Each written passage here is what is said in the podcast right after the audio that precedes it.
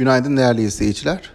Dün Borsa İstanbul beklentiler dahilinde olmayan güçlü bir yükselişle günü tamamladı. BIST 100 endeksinin yaklaşık %7'lik bir e, artışı söz konusu. Banka hisselerinde %10'luk tavan fiyatlar söz konusu. Yine bankacılık endeksine destek sağlayan, eşlik eden e, havacılık hisselerinde telekom hisselerinde ve perakende sektör hisselerinde de e, günlük yükselişler bir hayli kuvvetliydi.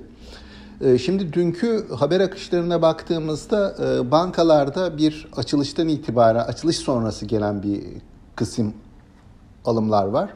Bir de e, öğleden sonra Halkbank haberinin duyulmasıyla gelen alımlar var. Dolayısıyla bankalar bu haber akışının da etkisiyle günü oldukça olumlu seviyelerde kapattılar. Bu haber akışının haricinde 3. çeyrek bilanço beklentilerine ilişkin olumlu görüşlerin e, rol oynamış olabileceğini düşünüyorum. Bir de buna ilaveten yurt dışı tarafında uzun süredir baskı altında kaldıktan sonra artık dipten dönüş sinyalleri vermiş olması da e, dünkü yükselişte etkili olmuştur diye tahmin ediyorum. Tabii bu yükselişler borsada son dönemde e, bir hayli sert olmaya e, başladı. Bunun ardından gelen düzeltmeler de yine aynı ölçüde e, sert oluyor.